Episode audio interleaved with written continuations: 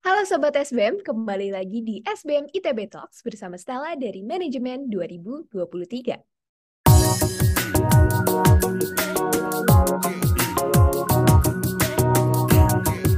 Sobat SBM, gimana nih kabarnya? Pada episode kali ini, kita udah kedatangan guest star yang spesial pakai banget. Dan hari ini, kita bakal menjawab pertanyaan yang sering digalauin para lulusan S1. Mendingan S2 dulu atau kerja dulu ya? Oleh karena itu, tanpa berlama-lama lagi, kita mau langsung sambut aja Kak Melvin Mumpuni, selaku founder of Financialku.com, yang juga merupakan lulusan dari Master of Business Administration MBA SBM ITB. Hai Kak Melvin, Kak sekali lagi thank you so much udah datang buat ngobrol-ngobrol sama kita di SBM ITB Talks. Nah Kak, hari ini sebenarnya topiknya itu kita berangkat dari postingan Kakak Kak di Instagram yang judulnya itu lulus kuliah, mending lanjut S2 atau kerja dulu. Itu kira-kira boleh ceritain dikit nggak sih Kak, kenapa ada keinginan untuk membawa topik tersebut? Oke, halo Stella, halo uh, Sobat SBM TB, apa kabar ya? Nah, perkenalkan saya Melvin Mumpuni, seorang perencana keuangan juga founder Finansialku. Ya, beberapa waktu lalu aku memang bikin konten terkait uh, lulus kuliah tuh sekolah lagi S2 atau langsung kerja gitu.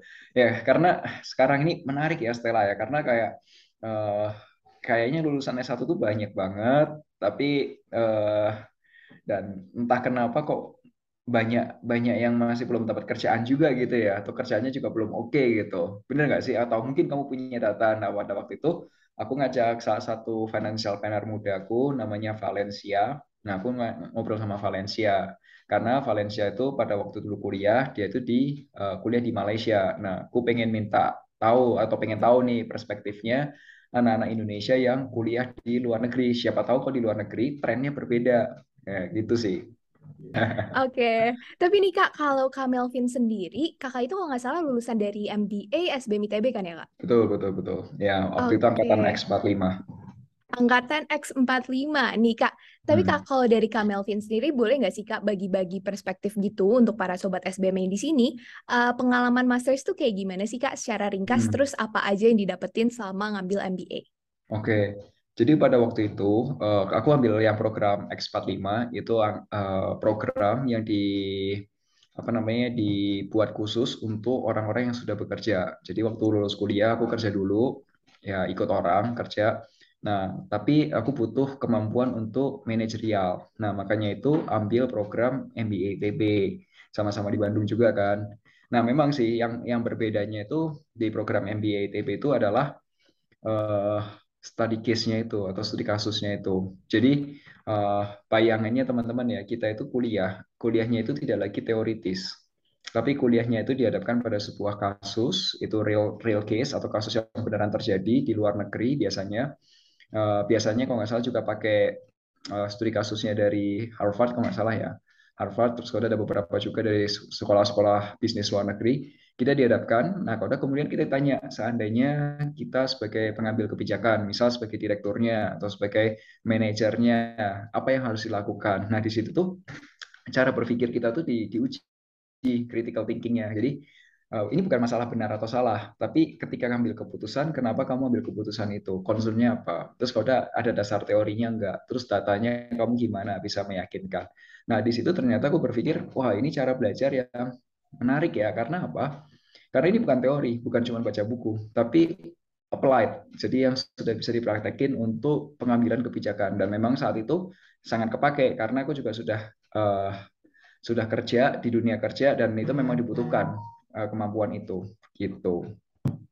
Oke, berarti tadi lebih ke real case ya Kak, selain dari teori, tapi benar-benar apa yang bisa kita praktekin di dunia uh, nantinya juga. Tapi ini Kak pengen nanya juga, kalau dari MBA sendiri demanding banget nggak sih Kak, secara waktu atau kayak gimana? Uh, kalau waktu aku menjalan, waktu aku menjalankan di program X45 itu tidak terlalu membutuhkan banyak waktu ya, buat buat aku pribadi ya. itu kuliahnya kurang lebih hari Sabtu, sorry, Jumat setengah hari dari dari dari lepas sore lah dari jam 3 sore sampai agak malam terus kalau udah hari Sabtu gitu ya tapi uh, menurutku sih it's fine ya untuk untuk untuk dua hari itu khusus untuk belajar nah kemudian ya paling nyiapin tugas-tugas gitu menurutku menurutku itu it's okay lah masih oke okay. Oke, berarti untuk benefit yang didapetin sebenarnya oke okay banget ya, Kak. Ada juga kabar baik dari MBA SBM ITB buat para sobat SBM yang udah punya pengalaman kerja minimum satu tahun. MBA ITB sekarang ada program Executive Hybrid, di mana perkuliahan akan dilakuin online 80% dan 20% offline. Jadi bisa lebih fleksibel meskipun sambil kerja gitu. Dan tapi jangan khawatir juga buat yang baru lulus dari S1, MBA ITB mempunyai program Young Professional MBA yang buka dua kali setahun tahun di intake Januari dan juga Agustus. Tapi nih Kak, ngomongin tentang MBA juga, Kakak tentang MBA sendiri, aku sempat ngepoin juga ada finansialku kan ya Kak, sesuai di namanya iya. nih. Tapi mungkin buat sobat SBM yang belum tahu, finansialku tuh apa sih Kak sebenarnya? Ah, finansialku ini kita perusahaan perusahaan perusahaan perencana keuangan. Jadi kita ini satu-satunya perusahaan perencana keuangan di Indonesia yang sudah terdaftar di OJK. Nah, kita biasanya bantu klien-klien kita itu dalam hal satu konsultasi. Jadi aku bantu individual, keluarga gitu, untuk ngatur keuangannya, untuk merencanakan keuangannya, nyiapin dana pendidikan, nyiapin dana pensiun, dan lain sebagainya, serta uh, investasi. Nah, yang kedua, kita juga punya aplikasi ini buat khususnya buat generasi Z seperti kamu yang mau mulai merencanakan keuangan, mau nyatat pengeluaran secara otomatis karena terkoneksi sama bank, terus kemudian mau ngitung-ngitung, mau milih produk investasi atau mau konsultasi kayak teledoc gitu. Ya, itu eh, sorry, telemedicine. Nah, itu seperti seperti itu itu semua ada di aplikasi. Dan kita juga banyak sharing informasi tentang keuangan itu di medianya kita finansialku.com dan sosial medianya kita ada di Instagram @finansialku_com, ada di YouTube finansialku.com dan lain sebagainya. Oke, berarti finansialku sendiri itu kayak apa pun yang dibutuhin secara finansial bisa ke sana ya, Kak? Betul, betul. Dan Stella, ini uh, finansialku ini adalah hasil dari tesis yang aku buat waktu uh, waktu MBA ITB.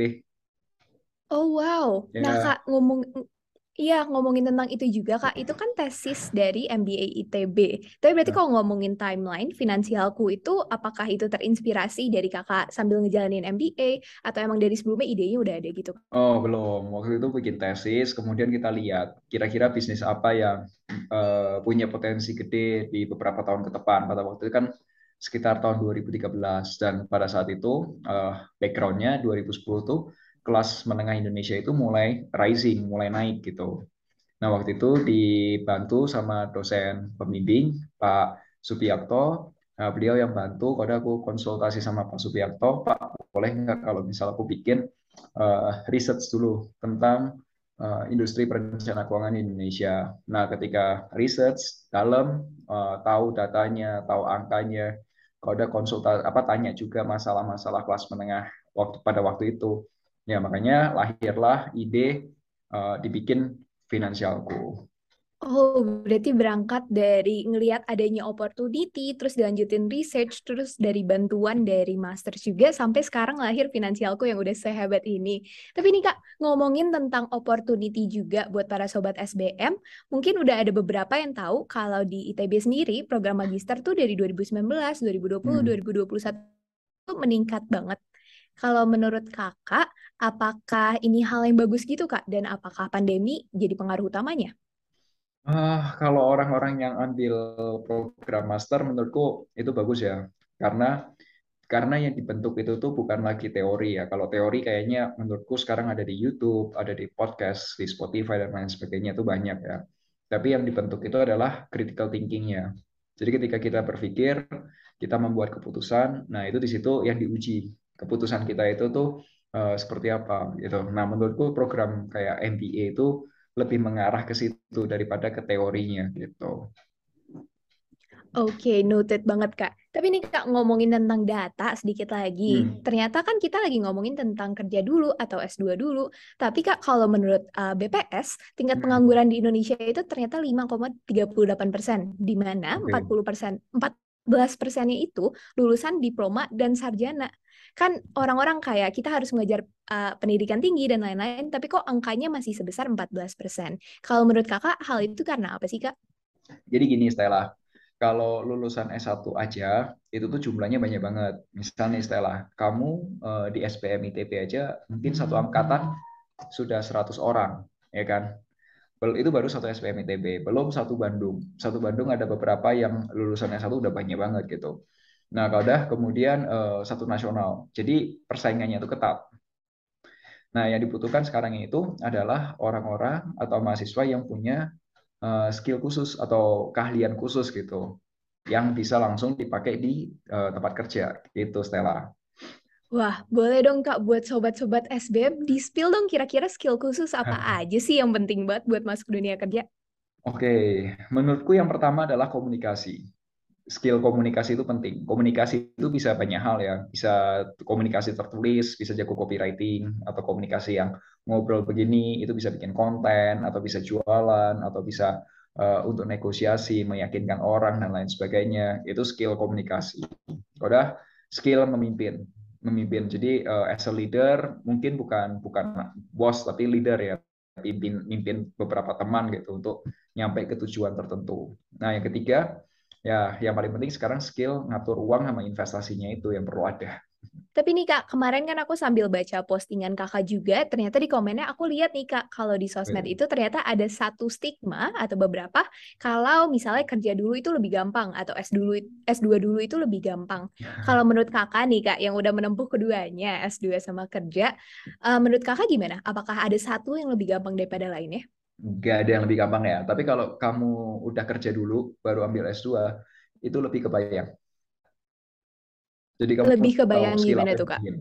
Jadi kamu tahu, misal uh, kamu diajarin tentang uh, teknis nih ya, misal tentang uh, manajemen pemasaran. Kamu kebayang, oh cara cara kerjanya manajemen pemasaran tuh di tempat kerjaku seperti apa.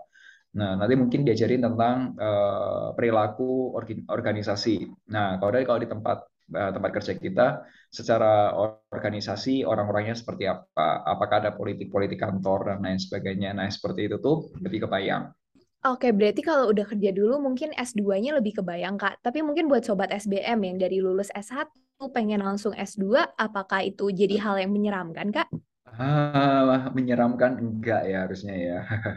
nah, tapi enggak enggak ya tapi tapi tetap aja enggak apa-apa, enggak ada masalah karena sekarang itu banyak perusahaan-perusahaan yang punya program internship.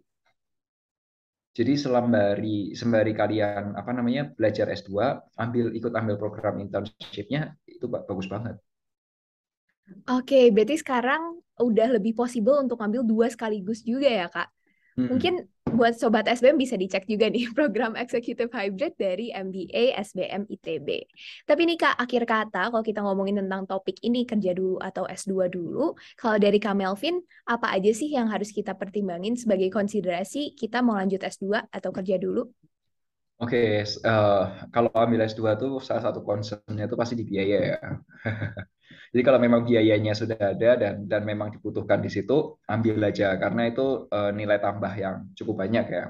Nah, tapi kalau misal memang pertama itu belum ada biayanya untuk ke situ, mau kerja pun it's okay, gak ada masalah. Tapi kalau menurutku kalau bisa one day uh, teman-teman ya, teman-teman pasti ketika masuk ke fase manajerial biasanya gini, uh, Stella, kalau kita dulu uh, teknik industri Nah, waktu orang engineering, ketika memasuk ke manajemen, jadi kalau engineering itu biasanya di level langsung di lapangan. Nah, itu emang skill teknisnya teknis engineering. Ya, skill-skill skill-skill untuk teknis. Tapi ketika misal masuk ke manajerial, udah masuk ke manajerial pertama, manajerial tengah atau manajerial yang atas, itu perlu ilmu yang namanya yaitu mengelola bisnisnya itu atau jadi program-program MBA itu itu diperlukan gitu.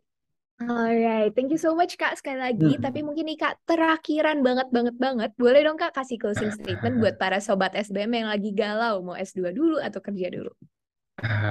Ya, uh, kalian nggak perlu galau sih sebenarnya ya. Uh, fokus aja dulu apa yang jadi concernnya kalian dulu. Kalau memang sekarang uh, kalian punya kesempatan untuk kuliah, ambil kuliah dulu nggak apa-apa. Jadi kuliahnya diselesaikan dulu semua, it's okay.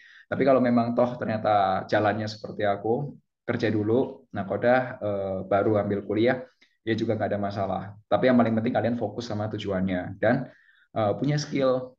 Skill itu sangat-sangat dibutuhkan zaman sekarang ini, gitu. Oke, kalau dari Sobat SBM kata Kak Melvin, yang penting fokus sama tujuan, lihat kesempatan yang ada, dan semuanya jangan lupa juga untuk kita lihat masa depan. Oke, thank you so much Kak Melvin sekali lagi udah ngulangin waktunya untuk ngobrol-ngobrol di SBM ITB Talks kali ini, Kak. Oke, thank you Stella. Thank you Sobat SBM ITB. Oke, Sobat SBM. Tadi kita baru banget selesai ngobrol-ngobrol dan diskusi bareng Kak Melvin, selaku founder dari Finansialku.com. Buat Sobat SBM di sini yang mungkin masih galau mau S2 dulu atau kerja dulu, dicatat ya tadi tips and trick yang udah dikasih Kak Melvin juga sebagai konsiderasi untuk memilih ke depannya. Nah, Sobat SBM, terima kasih juga udah mendengarkan SBM ITB Talks. Buat Sobat SBM yang punya ide topik yang bisa kita bahas, boleh banget langsung diketik di kolom komentar ataupun komen di Instagram SBM ITB ITB Official. Jangan lupa untuk comment, subscribe, dan follow Spotify SBM ITB Talks. Gitu aja Sobat SBM, sampai jumpa di episode selanjutnya. Terima kasih. SBM ITB for, for the greater good. good.